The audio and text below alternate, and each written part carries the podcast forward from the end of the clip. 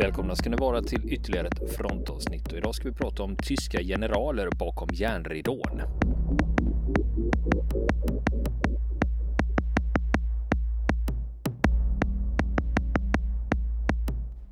Ja du Niklas, det är ju Wilhelm Adam du håller på och pratar om. Ja. Som, var, som var överste och adjutant åt fältmarskalk Paulus i sjätte armén på östfronten. Just det, och här sitter vi och pratar om drabbningar på östfronten 1942 då medan ett nytt krig har brutit ut i Ukraina sedan förra avsnittet.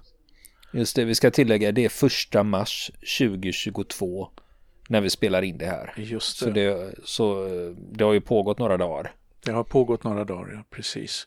Och ortnamn som då ofta syntes i rubrikerna under andra världskriget, de dyker upp igen i nyhetsrapporteringen. Det är Kiev, det är Sumi, det är Charkiv till exempel.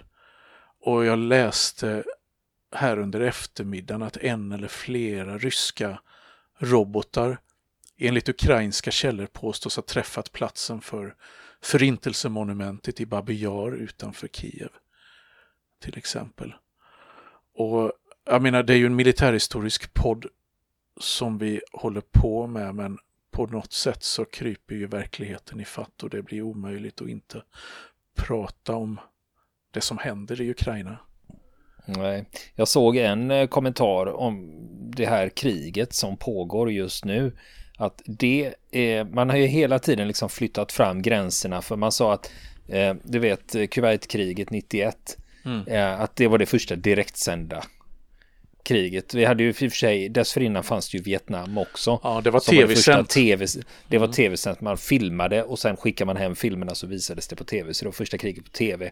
Och sen hade vi det första direktsända tv-kriget. Men nu har vi ju en alla möjliga kanaler eh, med att vem som helst kan streama och sända live så länge du har en mobiltelefon med uppkoppling. Ja, just det. Och alla kan, eh, så länge ingenting är utslaget eh, så går det att följa det kriget i sociala medier och i olika typer av medier. Mm. Och den är ju ny. Det är ju nytt, men eh, samtidigt så är grundproblemet exakt samma som när källorna och kanalerna var färre. Det vill säga, vem kan man lita på? Ja, det är ju första tanken när något dyker upp i flödet. Jag ja, med tanke på, jag vet inte hur det är med dig Niklas, men eh, det här eh, kriget i Ukraina, jag, jag ägnar väldigt mycket tid åt det. För att försöka läsa mig in och förstå och försöka hänga med. Och varje gång det kommer någonting så hela tiden så kickar det in där. Men vänta lite nu, vem kommer det här ifrån? Vem kan tjäna på det här? Finns det någon möjlighet att det här är sant eller är det? Eh, och det är ju det här med, som vi har sagt, två tusen gånger i den här podden att det första offret i kriget är sanningen. Just det, just det. Det, det är ju så att och mycket kommer vi ju inte få veta förrän efteråt hur det egentligen låg till med vissa grejer. För att det, det, kommer motstridiga uppgifter och det kommer ut hjältehistorier och det kommer allt möjligt som vi och upprörande filmklipp och uppmuntrande filmklipp för ena sidan. Eh, och det är ju sånt som man eh, alltid måste ta med en nypa salt. Oavsett vilken sida man då har sina sympatier på. Eh, om man vill försöka följa det här och det, det kan vara ibland nästan omöjligt att ta reda på hur det ligger till under en pågående konflikt. Och det vet vi ju att det är även för journalister krigskorrespondenter på plats är det ofta jättesvårt för att eftersom det pågår strider så har man, har man ju inte tillgång till hela området och kan röra sig fritt. Och de som krigar mot varandra, de olika aktörerna, de försöker begränsa informationen och använda den till sin egen fördel. Informationskrigföring pågår från bägge håll i det här fallet. Det vet vi. Och det gör ju inte saken lättare att eh, skapa sig en bild av vad som händer. Mm. Och det blir också det när man, eh, alltså jag brukar ha en liknelse när det gäller sådana här saker. Eh, och det, du vet, eh, om det är ett par man har känt liksom, eller i bekantskapskretsen och plötsligt så ska de skilja sig. Och man liksom, åh herregud, det hade jag inte en aning om. Jag trodde allting var happy, happy, joy, joy där. Och då, men då brukar jag säga så här att, men herregud, du vet ju 2% om hur de har det. Det är ju 98% du inte känner till. Mm. Just det. Och, och det är lite samma sak här. Det är sådana små, små pusselbitar som när jag får till med det så kan jag tänka, men herregud, om det nu är så, varför gör man inte så? Men då är det fortfarande liksom 98% av situationen som jag inte känner till och som jag för all del inte behöver fatta beslut om heller. Nej, precis, precis. Så, och vi, jag är ju bara en åskådare. Ja, vi... Men det som är lite spektakulärt här, det var ju, jag kollade upp det där med, jag bor ju i Göteborg och det är närmare för mig att åka till Ukraina än det att åka till Luleå. Så, det sätter ju saker i perspektiv. Det, ja, då inser man att, ja men, ja, precis, det är inte andra sidan världen. Va? Det är inte långt borta nu. Det är det verkligen inte. Jag, har, eh, jag tog bilen in i Ukraina. Det var oplanerat en gång bara för att jag råkade vara i Polen och tänkte nej, jag åker över till Ukraina och så gjorde jag det. Och det är ju svårt att föreställa sig när man, de platserna man har besökt och hur... Jag var inte så långt bort som Kiev då ska jag säga. Jag var inte, absolut inte nere i Donbass området eller ens i närheten av det. Men eh, ändå det är svårt att föreställa sig hur platser man har besökt som var så himla fredliga och solen sken och allt var trevligt och fåglarna kvittrade, hur det plötsligt kan vara på ett helt annat sätt just nu. Ja, det har vi ju hamnat i en situation som är hotfull va? när man pratar om att den europeiska säkerhetsordningen har rubbats i och med det här och det finns en stor oro och eh, jag ser ju det som att det är ett proxykrig här. När vi har Ryssland å ena sidan och sen har vi Ukraina som får eh, vapen och materiel av eh, EU och NATO och USA för att eh, kunna stå emot det här. Va? Så att det blir som att de ukrainska styrkorna får utkämpa en strid för resten av Europa, höll jag på att säga. Ja, och det, Eller, det är ju faktiskt det... någonting som europeiska EU-företrädare, flera, eh, några stycken, har sagt öppet eh, nu att, att Ukraina kämpar för Europa. Och för att det handlar ju på något sätt om den ryska fientligheten mot den västliga liberalismen, alltså i form av en inte, liksom ett eh, demokratiskt styresskick, parlamentarism och så vidare. Alltså det västliga sättet att se och uppfatta världen och organisera samhällen på. Och som, eh, som Ryssland ser som ett hot, alltså den, ska man säga, för att vara varsam med orden, som den ryska, nuvarande ryska ledningen ser som ett hot. Och eh, då hamnar man ju i en situation där man inser alltså det moraliska ansvaret man har för att hjälpa Ukraina men där man inte kan skicka in marktrupp för då hamnar två stormakter mot varandra. Ja, för det är inget land som vill kliva in med egen trupp. Nej. Med risk för att dra eh, eh, att eh, hamna i direkt konflikt med Kreml. Nej, det skulle ju bli en eskalering som eh, vi eh, inte inte kan se slutet på. Nej, och sen kan jag ju personligen känna mig illa till mods över de hot som Kreml har uttalat mot Sverige och Finland. Att man ska försöka diktera vad som sker i omvärlden. Mm.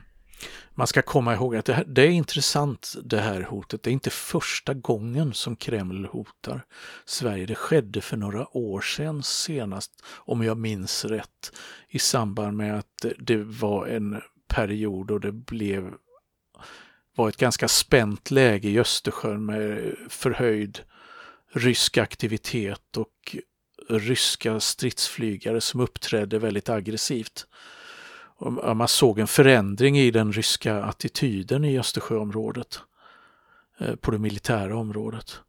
Och där, där NATO-frågan igen kom upp då i Sverige eh, politiskt och så var det väl någon som kom på tanken att fråga den ryska ambassadören. Och jag minns detta som att han svarade då att eh, om Sverige skulle närma sig NATO eller gå med i NATO kommer vi vidta militärtekniska åtgärder. Och den gången så uppfattade nog de som hörde, ryssarna ville ju naturligtvis inte definiera då vad menar de med det här. Men jag tror att de, jag har för mig att de flesta bedömare som uttalade sig om det här då från den svenska sidan i medier antog att det handlade om, eh, om eh, att de skulle rikta om ett antal av sina robotstyrkor mot Sverige då i så fall att det skulle vara ett hot. Men nu vet vi ju vad militärtekniska åtgärder innebär för det har ryssarna själva, nu har man definierat det i Ukraina. Så att eh, det är ju ett ganska allvarligt hot som man tidigare då kanske inte tog på fullt allvar från svensk sida men där man nu har insett klart vad det kan innebära. Mm. Och eh, för jag tänkte, du nämnde förut att du hade ju faktiskt, eh, det är idag som jag sa förut, det är första mars. Mm. Eh, du hade ju varit i kontakt med Charkiv idag. Ja, jag, sa, jag nämnde det till dig innan vi satte på bandspelaren här då att jag har pratat med en person som bor i Charkiv. Jag kommer inte avslöja hans namn. Men det är en affärsman som har haft vissa affärskontakter med Sverige och det är en bekants bekant helt enkelt. Eh, jag fick telefonnumret och jag ringde honom och han svarade i, i morse. Han bor i Charkiv med sin familj. Och eh, han berättade ingående om hur situationen är där just nu i detta läget. Eh, och eh, där han sa att vi hör, där, där han bor, så är det att man hör varje timma detonationer och skottlossning och eh, eh, det var detonationer under morgonen när eh, en eh, rysk robot träffade eh, det reg regionalregeringens byggnad i Charkiv eh, och förstörde den. Det hörde han, berättar han. Och just där han bor, just på den gatan han bor, så har det varit väldigt lugnt än så länge. Eh, han sa att det har krypit närmare, att från början, alltså Charkiv ligger bara 40 kilometer från ryska gränsen. Han sa att då, man har ju hört striderna och kunnat följa det även i medierna, de lokala medierna och eh, hur, så att han berätta att de första inledande striderna då, de har handlat om kontrollen över mindre städer i närheten av Charkiv och som han sa att på vissa ställen har ryssarna haft framgång och på andra har de inte haft det. Men han sa att nu från och med eh, slutet på helgen och eh, måndagen den här veckan, alltså vi snackar om eh, fyra, fem dagar efter det ryska invasionens början sa han att nu börjar det bli märkbart tuffare. Nu börjar det bli mer påtagligt, påstår han. Och det hade en och en halv kilometer från där han bor så slog det ner eh, gradraketer eh, för, i, under gårdagen. Eh, det upplevde han också och eh, det ehm, Ja, Grad är ju ryskt eh, raketartilleri. Det är ju en mycket senare version av de gamla Stalinorglarna. Ehm, I bostadsområden. Och det har varit både militära och civila förluster av beskjutningen som har påbörjats mot, mot eh, eh själva staden Charkiv. För ehm. just raketartilleri, det känns ju ganska urskiljningslöst. Ja, det är ju inget eh, precisionsvapen och det ju, känns ju mer som terrorkrigföring om det, om det stämmer. Och eh, jag hade ingen anledning att eh, tvivla på vad han berättade för mig. Och det har ju cirkulerat filmklipp också som visar eh, sådana saker som ska ha hänt i Charkiv. Eh, han berättar också att livsmedelssituationen ännu är bra. Det, går, det, finns fortfarande mat i affärerna även om köerna är jättelånga. Som han sa, han hade fått köa i två timmar under gårdagen eh, för att eh, kunna köpa, göra matinköp till familjen. Och, eh, men det hade ändå funnits mat kvar i, i affären. Och likadant är köerna långa utanför apoteken men det, alltså att det verkar ännu finnas eh, medicin. Så att det det är inget akutläge för befolkningen ännu på det sättet, menade han. Och eh, jag frågade honom också, det är ju en dum fråga egentligen, men jag, eh, eftersom jag är journalist så vi, vi ställer dumma frågor ibland för man kan få bra svar. Och eh, jag frågade honom om han var rädd, helt enkelt. Och eh, han sa att han sov gott om nätterna, men att han var orolig för sin, för sin familj. Han har ju en familj att ta hand om då också, men man hade ännu inte gått ner i skyddsrummen utan man, man eh, elektriciteten och vattnet fungerar fortfarande så att de bor kvar i sin lägenhet. Men många andra har eh, begett sig till skyddsrum, gått ner i källare eller tar skydd i tunnelbanan. Mm. Hade han någon idé om, om, det, om situationen förvärras, vad, vad de skulle göra då? Nej, det var ingenting som eh, han just då ville prata om. Och jag vet inte riktigt om det berodde på att eh, man inte hade bestämt sig eller om han inte ville oroa familjen mer innan. Det, så det kan jag inte svara på, men jag ska förstås prata med honom mer framöver, höra hur, hur det går för dem. Eh, men som sagt, det alltid, blir alltid mer påtagligt också när man, när man får ett titthål rakt in i en sån här fruktansvärd konflikt. Där man sitter i det trygga Sverige och bara kan lyfta luren.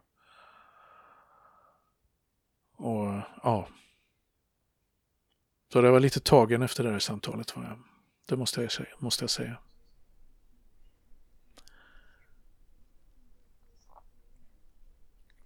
Ja, ja, men det förstår jag. Det är just att faktiskt prata med någon som sitter i, mm. i en stad som vi bara hör om på nyheterna. Precis, mitt upp, mitt upp i detta då alltså. Ja, vi, vi ska inte försöka, det, det, pågår massor av spekulationer, det finns många kunniga bedömare som uh, uttalar sig om vad, hur det går för de olika sidorna i kriget och vad, jag har sett många, många intressanta trådar på exempelvis Twitter och så vidare från eh, insatta personer om vad, vad som har gått fel i den ryska anfallsplanen och så vidare. Eh, ja, det, det, är mycket intressant att läsa och vill man bilda sig en uppfattning så ska man följa många ny, på, nyhetskällor samtidigt. Eh, och eh, även då skadar det ju inte att följa, eh, följa eh, initierade bedömare alltså som, eh, som kan uttala sina uppfattningar och eh, teorier ibland och analyser om det som pågår. Mm. Ja, men det är svårt för jag brukar alltid säga det att oavsett vad man håller på med som till exempel om jag ska by själv försöka byta däck på bilen så kan det ibland vara bättre att åka iväg till en gummiverkstad. För att där är det någon som sysslar med det här dagarna i ända och vet hur man gör. Och det kan vara lite samma sak när det gäller och den här typen av professionella bedömningar. Det finns folk som jobbar heltid med sånt och vet hur man gör. Och då är det bättre att de lyssnar på dem än att man lyssnar på mig då som sitter med små, små pusselbitar och annat för mig än att analysera kriget i Ukraina. Ja, just det. Just det.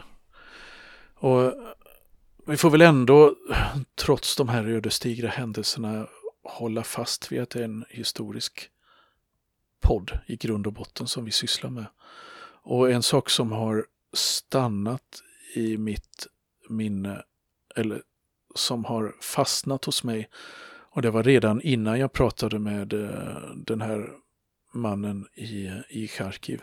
Det är just denna stad då som är, var en av de där det utkämpas hårda strider just nu. Det är Ukrainas näst största stad. Och att det alltså kan vara läge om att påminna om att samma stad och dess omgivningar då under andra världskriget och under den perioden då huvudpersonen i vår eh, ja, pågående serie eh, avsnitt eh, befann sig i just det här området och blev skådeplats då för en rad storskaliga och väldigt blodiga drabbningar mellan Röda armén och tyska trupper. Och att den här staden då också under kriget utsattes för en synnerligen brutal tysk ockupation.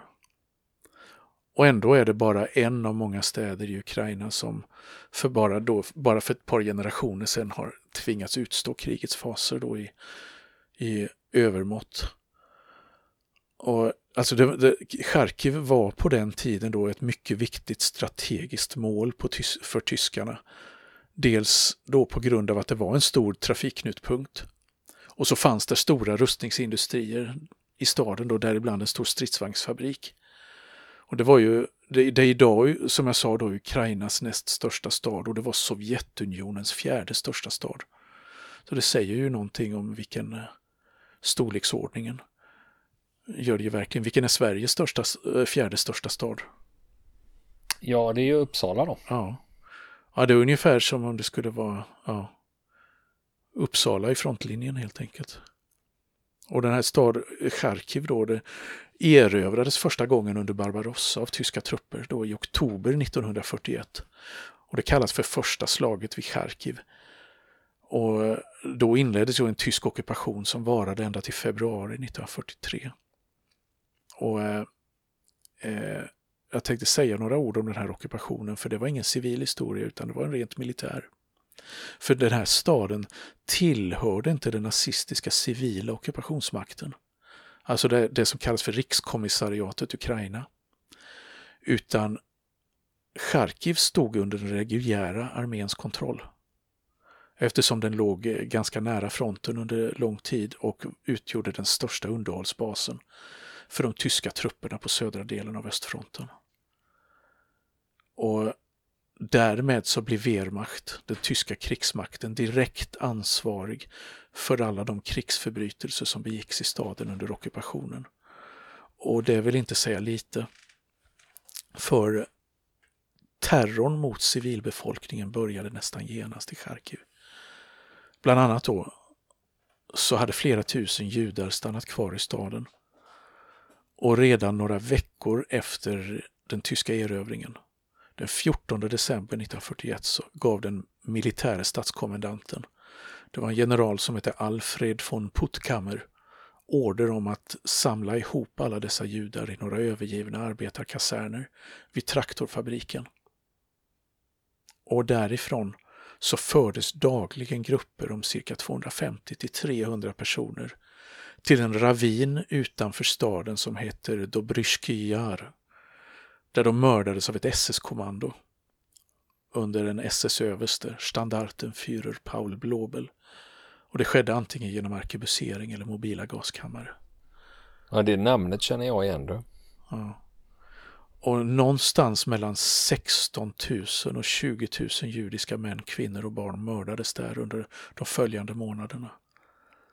Under Naturligtvis SS var de direkta bödlarna i här, den här aktionen, men det skedde under den tyska arméns överhöghet.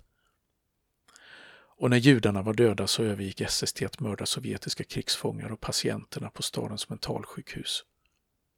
Men redan innan den här stora mordaktionen mot stadens judar, alltså under de veckorna som den hade varit i tysk ägo innan dess, så hade också flera massakrer flera mindre massakrer begåtts i staden då på sovjetiska krigsfångar och judar. Och det hade varit reguljära arméförband som gjort sig skyldiga till detta och det har varit en ganska undanskymd historia. Den har varit känd i Ryssland men det är först på 90-talet efter murens fall och eh, framåt när forskningen, historieforskningen kom åt nya arkiv som det här sökarljuset har hamnat på detta i, i historieforskningen kring händelserna på östfronten. Och Wehrmacht, inte nog med det, för Wehrmacht införde också en bestämmelse om att endast de invånare som direkt eller indirekt arbetade för den tyska ockupationsmakten hade rätt till livsmedel. Och det innebar ju att resten lämnades att svälta.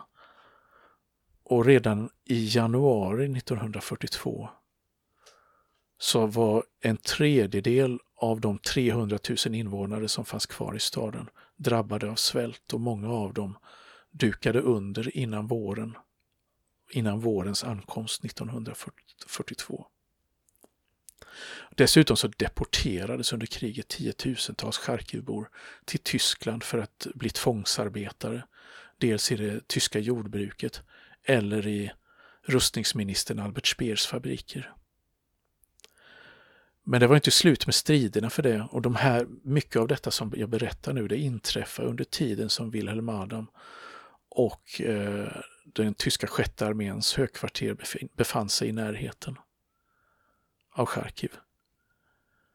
Um, under 1942 och 1943 så utkämpas dessutom ytterligare flera väldiga drabbningar om och runt omkring staden med tiotusentals döda på båda sidor.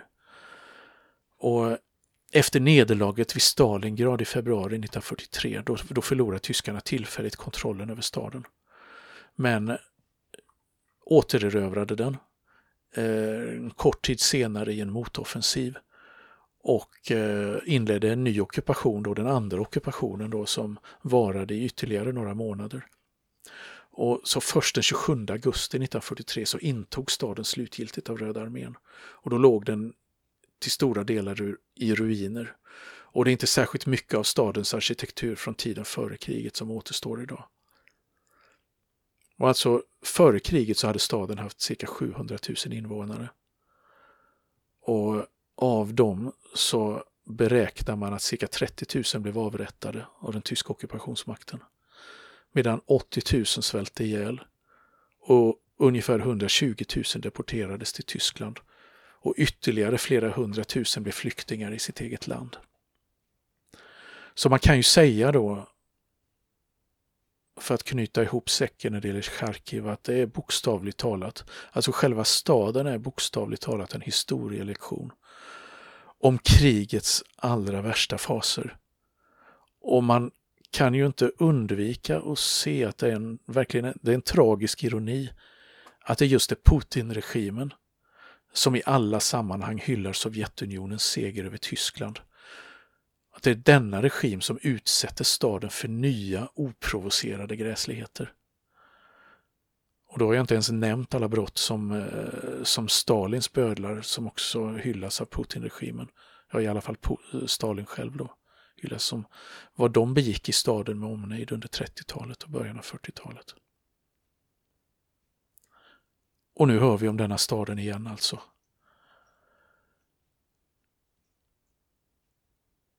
Det är obegripligt. Ja, men är drabbad av flera olika. Mm. Från flera olika håll. Ja, visst. Ja, det är ju inte så länge sedan. Det är ju bara ett, som jag säger, det är bara ett par generationer sedan. Det är farföräldrarna. Mor, mångas morföräldrar. Och nu är det storskaligt krig igen i de här områdena. Mm. Nej, för det jag, det jag har slagits av när det gäller just rapporteringen nu, nu kommer jag tillbaka till nutid igen. Jag, liksom, mm. Det här är något jag, jag kan inte släppa det här. Va? Mm. Eh, och det är ju det här hur snabbt det gick till att vara fullskaligt krig rakt av liksom. Mm. I en del fall i andra länder när det gäller konflikter och krig att då kör man, det är lite mindre det är mindre omfattning. Det är de här mindre operationerna, det är liksom eh, det är inte det här väldiga va?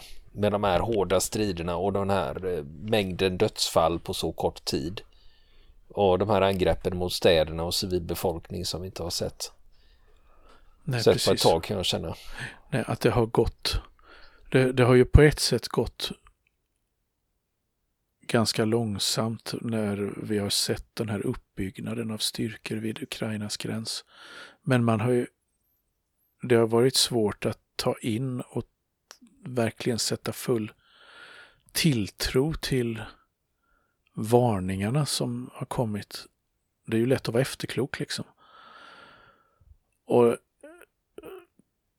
vad jag personligen tyckt har ju varit väldigt oroande det man har hört liksom från den amerikanska, eh, amerikanska sidan då när man har gått ut och varnat för att det här faktiskt är, är ett riktigt krig på gång. Men det tar ju tid att fatta, gör det ju. Och jag tror att det, det fanns en sån här sak som inträffade bara några dagar innan, innan det faktiskt blev krig som som jag hajade till på och tänkte att börja fundera på att fan, det kanske är allvar.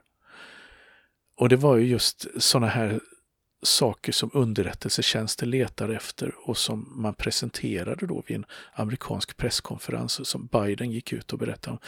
Och jag tänkte att om det här är sant, då, då menar ryssarna allvar. Och det var den här lilla detaljen att man hade fört fram blodpla blodplasma till de ryska fältsjukhusen. Och det är just sådana saker som underrättelsetjänster letar efter, de här små detaljerna som, som ska avgöra om det är skilja ett, eh, ett tomt hot från allvar. Eh, för det är ju färskvara liksom och sånt att det, det är ingenting som du, du gör om du inte verkligen tänker använda det. Och, men sen ändå så det var ju inte förrän det var en faktum som man liksom fattar, åh oh fan, de jävlarna gjorde det liksom. Mm, för jag, jag tänkte de banorna när det kom information om att man gjorde inte, inte bara påverkansoperationer utan även störde ut, eh, man eh, gjorde cyberangrepp. Och det, då tänkte jag direkt att ja, det är ju ett steg, men det kan ju också användas som skrämseltaktik. Ja, allt kan eh. användas som skrämseltaktik. Eller det mesta i alla fall kan du ju göra. Så att eh, det är ju det man, man inte kan veta om man inte synar korten så att säga. Det, ble, det blev inte så mycket prat idag om eh, Stalingrad. Utan om helt andra saker, men det var väl nödvändigt. Vi får återkomma. Det är något som upptar väldigt mycket av min eh, tankeverksamhet. Och jag förmodar många andras också, just det. Av våra lyssnare som, som är upptagna av detta också. Ja, men vi får väl återvända nästa vecka och då får vi kanske mm, Ja, vi får väl se vad som har hänt då. Men annars får vi ägna oss åt historien igen. Precis, precis. Vi sa ju det på skämtsamt när vi avslutade förra, förra avsnittet att det skulle bli lite krutrök idag, men det var ju definitivt inte så här vi menade. Nej, inte i realtid, nej. Precis. Robert här från fronten. Eh, I normala fall så jag och Niklas Sennertig vi är ju journalister. Det innebär att vi håller oss till de publicistiska reglerna som eh, tv, radio och tidningar har kommit överens om. Vi tycker det är ett bra sätt att även producera podden. Eh, det innebär också att vi är, eh, försöker vara så oberoende som möjligt. Eh, det som kommer att hända nu är att jag kommer att göra ett avsteg från det. Och det innebär att situationen eh, i världen framförallt har förändrats ganska drastiskt bara den sista veckan. Och vår statsminister Magdalena Andersson var ute och talade till svenska folket i tv nu ikväll där de påtalade behovet av att stärka vårt försvar.